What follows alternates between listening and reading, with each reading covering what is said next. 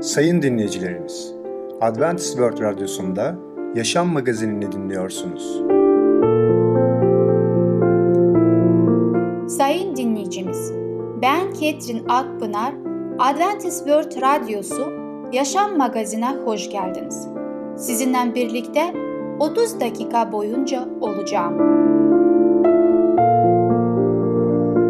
Bugünkü programımızda peygamberler konusuyla mantıklı iman, yeni başlangıç konusuyla kefir ve ev yoğurdu, sağlıklı yiyelim sağlıklı yaşayalım konusuyla kabak salatası adlı konularımıza yer vereceğiz. Sayın dinleyicilerimiz, Adventist World Radyosunu dinliyorsunuz. Sizi seven ve düşünen radyo kanalı. Bize ulaşmak isterseniz Umutun Sesi Radyosu et yaha.com Umutun Sesi Radyosu et yaha.com Şimdi programımızda Mantıklı İman adlı konumuzu dinleyeceksiniz. Yaratıcımız neden mantığa önem veriyor? Merhaba sevgili dinleyiciler. Ben Tamer. Peygamberler programına hoş geldiniz. Bugün sizlerle mantıklı iman hakkında konuşacağız. Şöyle bir soru karşımıza çıkıyor. Mesih inancının mantıklı olduğunu nasıl söyleyebilirsiniz?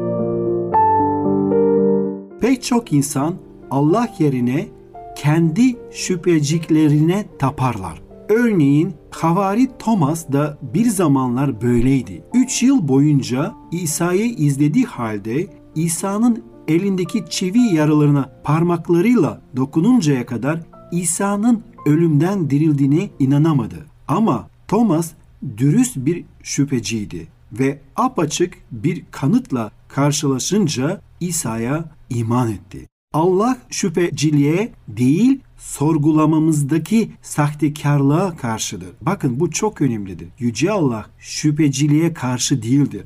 Ama sorgulamamızdaki sahtekarlığa bulaşırsak ve karışırsak o zaman biliyoruz ki karşımızda yüce yaratıcımızı bulacağız. Mesih hakkındaki şüphelerimiz yeterince yanıtlandığında onu izleme zorunluluğumuz vardır. Yoksa dürüstlüğümüzü koruyamayız. Bu bölümdeki sorular ve yanıtlarda Mesih'ten ne denli emin olabileceğimizi göstermeye çalışacağım. Sevgili dinleyiciler, İsa Mesih'e inanmak akıl dışı değil mi? Bazı insanlar İsa Mesih'e iman ederse zihinsel veya mantık bakımından intihar etmiş olacaklarını düşünürler. İsa Mesih'in beyinlerini değil günahlarını yok etmek için öldüğünün farkında değiller. Mesih inananları beyinlerini vestiyerde bırakıp cennete gitmek üzere bir dünyadan ayrılırken onu tekrar alan kişiler değildir. Evet sevgili dinleyiciler, Yüce Allah kutsal kitabaya bizi çağırdığı zaman muhakkak ve muhakkak beyinlerimizi kullanmaya, soru sormaya,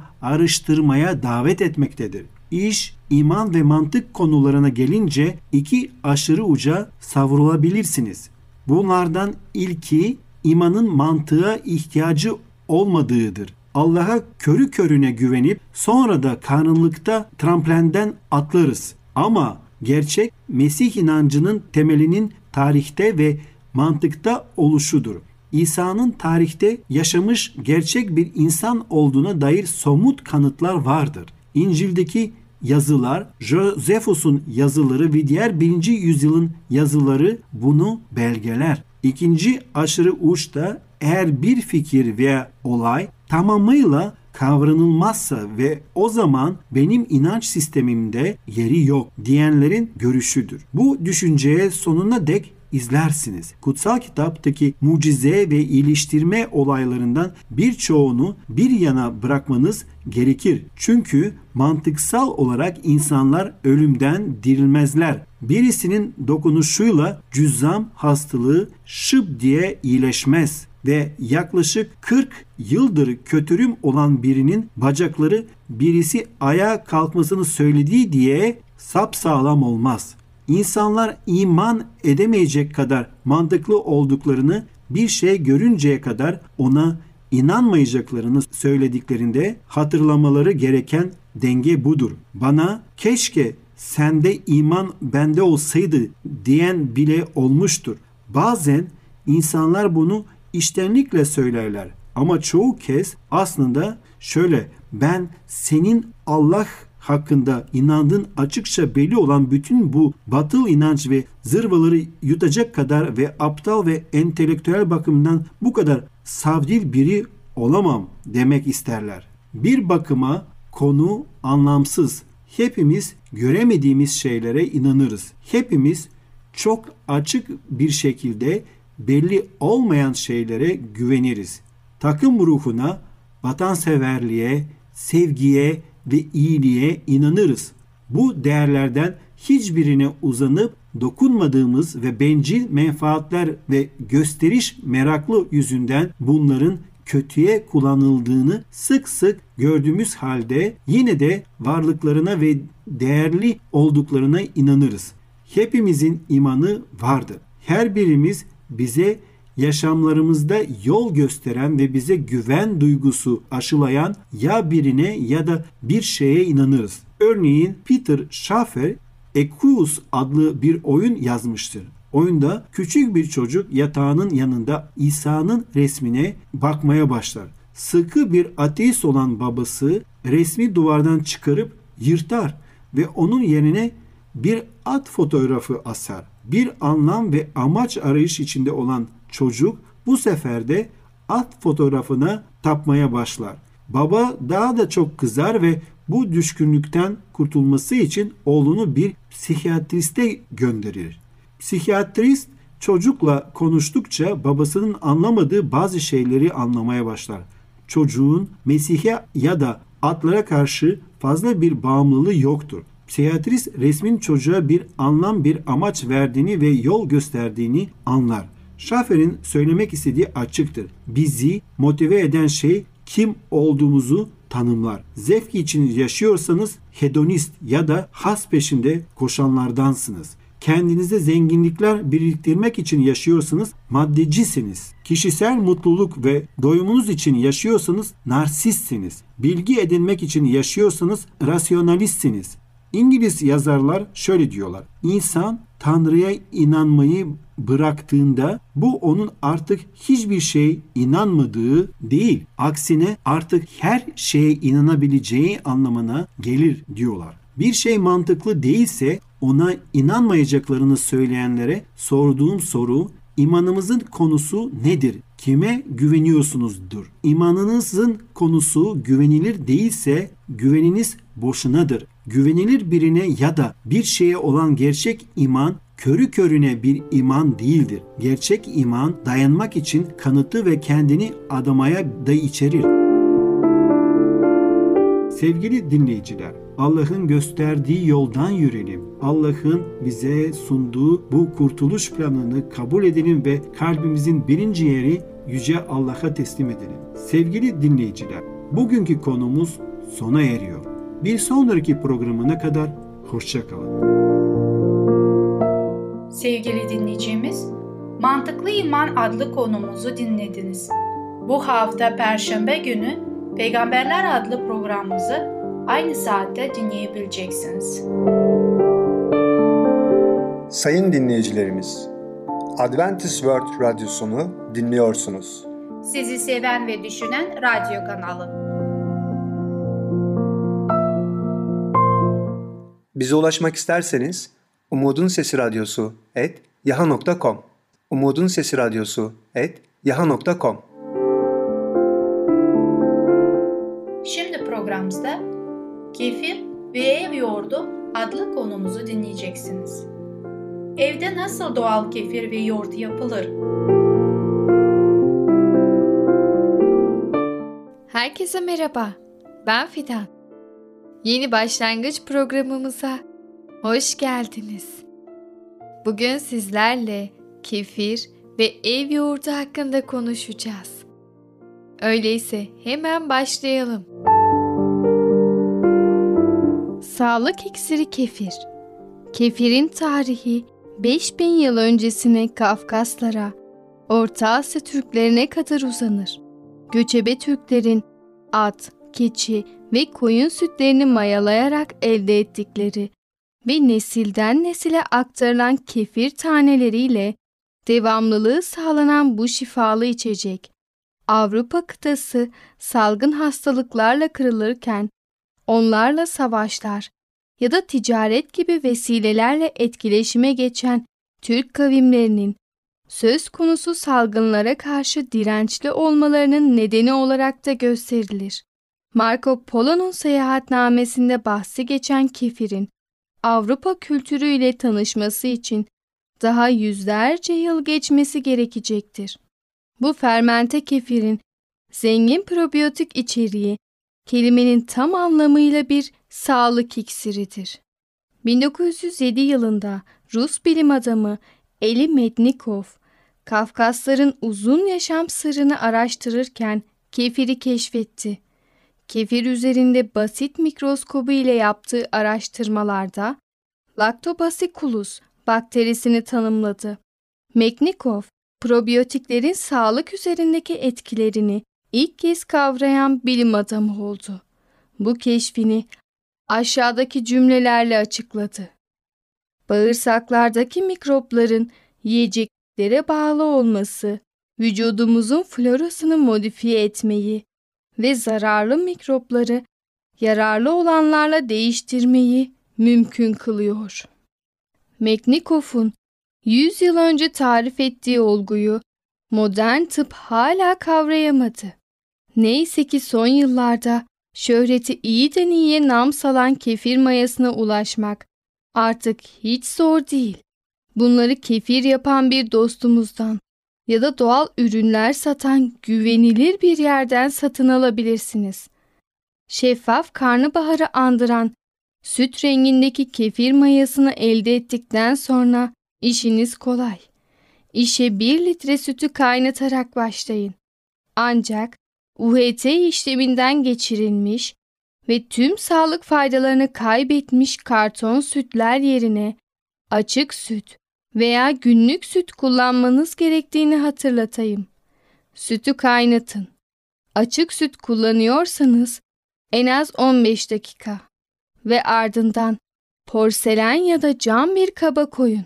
Parmağınızı yakmayacak ısıya geldiğinde sütün içine bir çorba kaşığı kadar kefir mayası katın.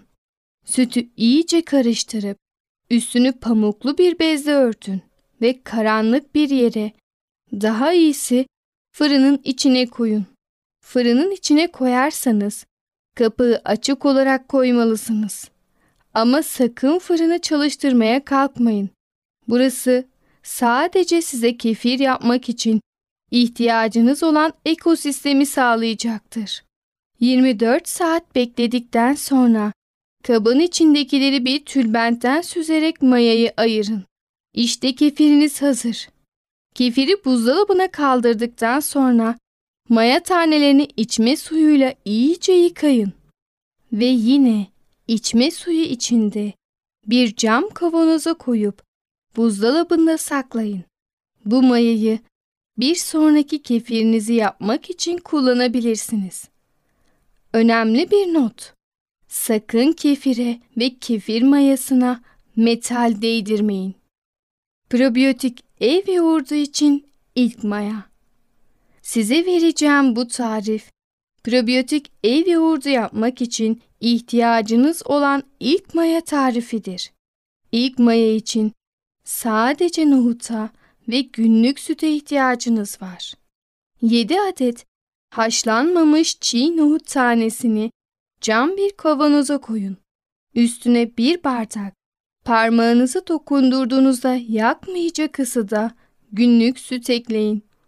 Sonra da bu cam kavanozu ağzı açık bir şekilde fırının içine koyun. Sakın fırını çalıştırmayın. Burası size mayalanma için ihtiyaç duyulan ortamı sağlayacaktır. 24 saat sonra 24 saat sonra kavanozu fırından çıkarın. İçindekileri tülbentten süzüp ayrı bir kaba koyun. Tülbendin içinde nohutlar ve kesilmiş süte benzeyen parçacıklar kalacak. nohutları atıp pıhtı parçalarını cam kavanoza alın. Bu sizin ilk mayanız. Şimdi kendi yoğurdunuzu yapmak için bu mayayı arıtmanız gerekiyor. Yine bir bardak sütü mayalanma ısısına getirin. Süzgeçten geçirip bir kaba koyduğunuz ilk mayanın üstüne bu sütü ekleyin. Tahta kaşıkla karıştırın. Bu defa fırının içinde 12 saat dursun. Bu işlemi kullandığınız süte göre 4 veya 8 defa tekrarladığınızda elinizde kıvamlı bir yoğurt olacak. Artık tüm yoğurtlarınızı bu mayayı kullanarak yapabilirsiniz. Evet sayın dinleyicilerimiz, bugün de yavaş yavaş programımızın sonuna gelmiş bulunuyoruz. Evet bugün evde doğal bir şekilde kefir ve ev yoğurdu yapmayı öğrendik. Umarım siz de tüm bunları evinizde uygulayarak doğal ve sağlıklı bir şekilde beslenebilirsiniz. Unutmayın, sağlık her şeyden önce gelir ve sağlığımızı korumak için doğal yollarla beslenmek en iyi yöntemlerden biridir. Siz de evinizde kefir ve yoğurdunuzla sağlıklı yaşamınıza devam edin. Bir sonraki programımızda tekrar görüşene kadar kendinize çok iyi bakın ve sağlıcakla kalın. Sevgili dinleyicimiz, Kefir ve Ev Yoğurdu adlı konumuzu dinlediniz. Bu hafta Perşembe günü Yeni Başlangıç adlı programımızı aynı saatte dinleyebileceksiniz. Sayın dinleyicilerimiz, Adventist World Radyosunu dinliyorsunuz. Sizi seven ve düşünen radyo kanalı. Bize ulaşmak isterseniz Umutun Sesi Radyosu et yaha.com Umutun Sesi Radyosu et yaha.com Sevgili dinleyicimiz, kabak salatası adlı konumuzu dinleyeceksiniz. Kabağın faydaları ve değerleri nedir? Merhaba sevgili dinleyicimiz. Sağlıklı Yiyelim Sağlıklı Yaşayalım adlı programa hoş geldiniz. Ben Ketrin. Bugün sizlerle birlikte yeni bir tarifin üzerinde çalışmak sizlerle birlikte çok mutluyum. Bugün paylaşmak istediğim yeni bir salata kabak salatası olacak. Daha önceki programımızda kabak ne kadar faydalı olduğunu hatırlıyorsak, hatırlamıyorsak tekrar bakacağız, hatırlayacağız. Çünkü gerçekten biz ne yiyorsak onunla da yaşamaktayız. Çok eski zamanlara baktığımız zaman insanlar nasıl yemek yiyormuşlar, ne tür yemekleri tüketiyormuş bunlara dikkatimizi verdiğim zaman şunu anlamaktayım ki insanlar gerçekten her şey doğal ve e, sağ haliyle tüketiyorlardı. Ve bundan dolayı da sağlıklıydılar ve uzun ömürlüydü.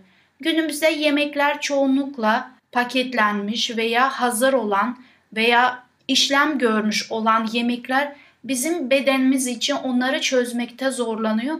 Ayrıca kendisinde de kimyasal maddeler olduğu için bu gıdalarda yan etkileri vermektedir. Şunu söylemek istiyorum ki gerçekten biz yemeklerimizi kendimiz yaptığımız zaman kendi elimizle ve içine ne koyduğumuz, onları baharatlarla harmanladığımız zaman bu bizim için ayrı bir keyiftir, ayrı bir sağlıktır, ayrı bir mutluluktur. Gerçekten bunu erkek ve bayan yaptığı zaman inanılmaz bir keyif yaşarsınız. Bunu size gerçekten söyleyebilirim. Ve şunu da eklemek istiyorum. Çocuklarımız varsa, ailemiz varsa biz bunları kendimiz yaparken çocuklarımız için canlı bir örnek olacak ve onlar bize bakarak kendi hayatlarını aynı şekilde yapacaklardır. Belki de şu anda şunu düşünebiliyorsunuz. Benim çocuğum çok iyi durumu kendine bir yardımcı tutabilir veya dışarıda yiyebilir. O kadar çok güzel restoranlar var.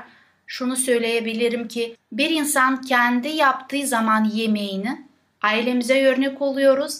Ayrıca kendimiz için bir hareket, bir mutluluk ve aynı anda o Allah'ın verdiği güzelliğiyle biz temas ettiğimiz zaman şunu görmekteyiz. Allah ne kadar muhteşemdir ve bizler için, insanlar için ne kadar muhteşem şeyler yaratmıştır ve bu güzellikle biz faydalanıyoruz. Allah'a şükretmek için içimizden gelmektedir ve her şeye daha değerli gözüyle bakmış oluyoruz. Güzel bir et yemeği hazırladınız ya da pişirdiğiniz sebze yemeğin yanına en az onun kadar lezzetli bir yanıcı arıyorsunuz. Bu durum için yakından tanıdığımız bir isim var. Şüphesiz kabak salatasının ta kendisinden bahsediyorum. Bir kere çabucak hazırlanıyor. Diğer yemekleriniz de ocakta pişirken o sadece 15 dakikanızı alıp sofranın baş köşesinde konulacak hale geliyor. Pek doyurucu, çok ferah ve kaban lezzetini yoğurtla harmanlıyor. Yeni lezzetli bir yanıcın tüm ona bilişenlere bir tarifi içinde vardır. Tek sorun sulanması ve kötü kıvamlı bir hale gelmesidir. Onun da çözümü vardır. Siz hiç merak etmeyin bu konuda. Evet, şimdi kendi elimizde kendi salatamızı yapacağız ve hangi malzemelere ihtiyacımız vardır hep birlikte listemize bir bakalım. 3 adet orta boy kabak, 2 diş sarımsak, 1 avuç semizotu, 1 yemek kaşığı zeytinyağı, 1 çay kaşığı tuz, 4'te 3 kase yoğurt, 2 yemek kaşığı süzme yoğurdu, 1 çay kaşığı kuru nane. Her zamanki gibi ben bazı noktalara çok dikkat ederim ve bu yemeğin de bir püf noktası vardı. Kabakların fazla suyunu sıkmak salatalığın sulanmasını için oldukça büyük önem taşıyor. Güzelce suyunu sıktığınız kabakları tam anlamıyla pişmeyen sadece yumuşamalarını sağlayın. Kabaklar soğuduktan sonra yoğurdu ilave edin ve mümkünse katı kıvamlı bir yoğurt kullanın. İçinde kullanacağınız süzme yoğurt kıvamı koyulaştıracaktır. Bütün malzemeleri sıraladıktan sonra ve dikkat edeceğimiz bazı unsurları bildikten sonra artık hazırlanışa geçebiliriz sizinle birlikte. İlk olarak kabağı güzelce yıkayıp kurulayın. Ardından derin bir kabın içerisine rendeleyin. İkinci aşama rendelediğiniz kabakları bir tülbentin üzerine aktarın. Fazla suyunu güzelce sıkın.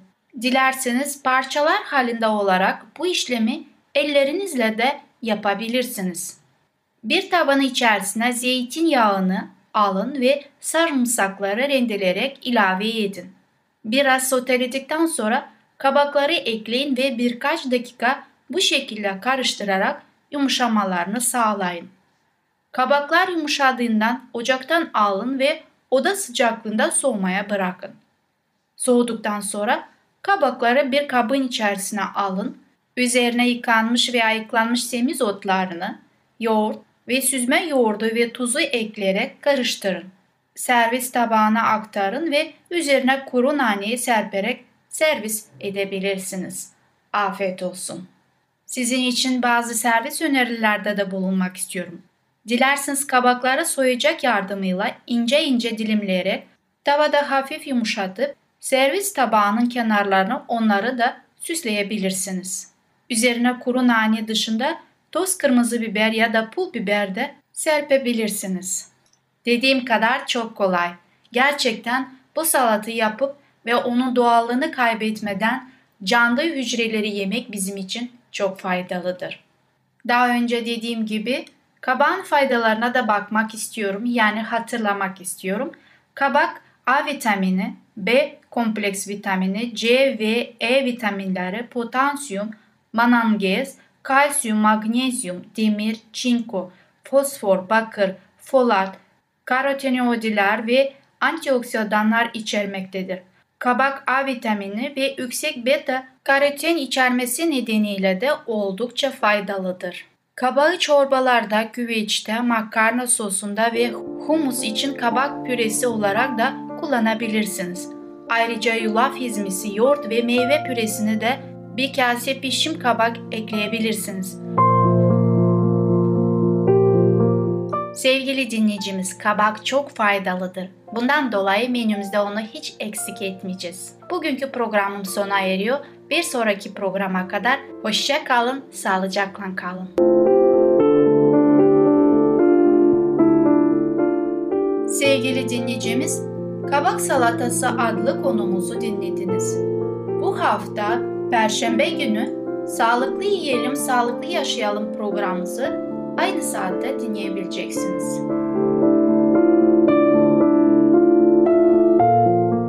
Sayın dinleyicilerimiz, Adventist World Radyosunu dinliyorsunuz. Sizi seven ve düşünen radyo kanalı.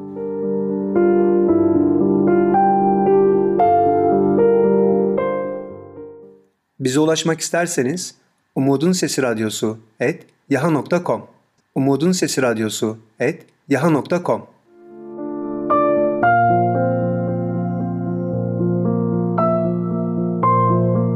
Sevgili dinleyicimiz, gelecek programımızda yer vereceğimiz konular tembellik, hipnoz, maymun ile balıkçılar. Bugünkü programımız sona erdi. Bizi dinlediğiniz için teşekkürler. Bir sonraki programa kadar görüşmek dileğiyle. Hoşçakalın.